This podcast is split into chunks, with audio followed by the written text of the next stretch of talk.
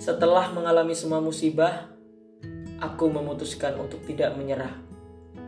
Aku tahu semua ini tidak akan mudah.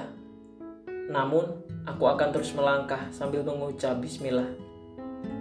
Mungkin semua ini adalah cobaan yang diberikan Tuhan agar aku semakin kuat dalam menjalani kehidupan.